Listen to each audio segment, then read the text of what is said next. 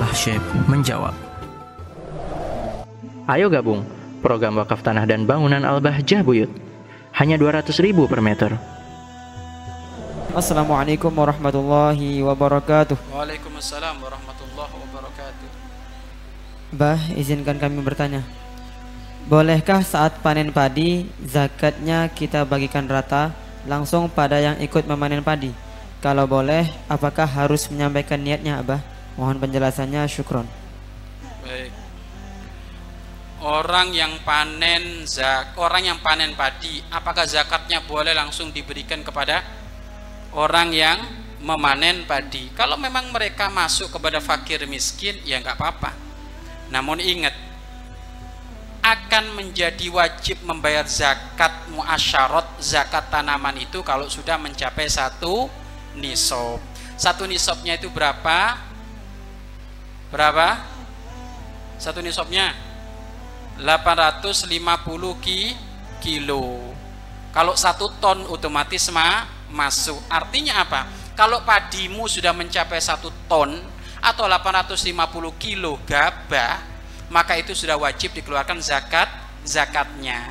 Maka zakatnya kamu berikan kepada pegawaimu asal dia melarat fakir miskin nggak apa-apa.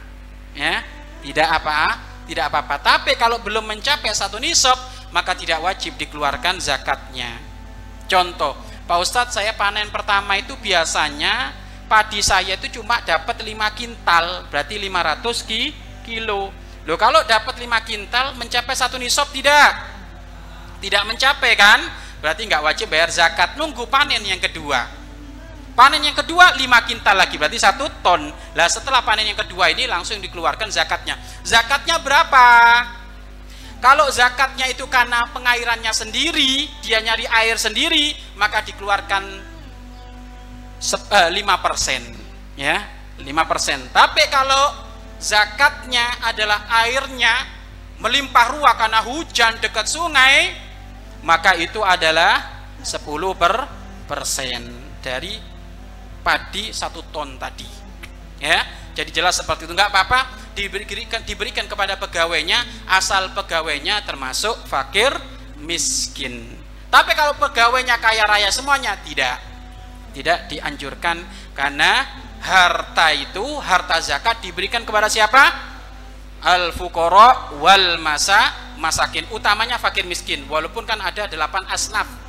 Namun dari delapan asnaf itu kalau zaman sekarang utamanya fakir miskin dan orang yang orang yang bangkrut alias banyak hu, hutang.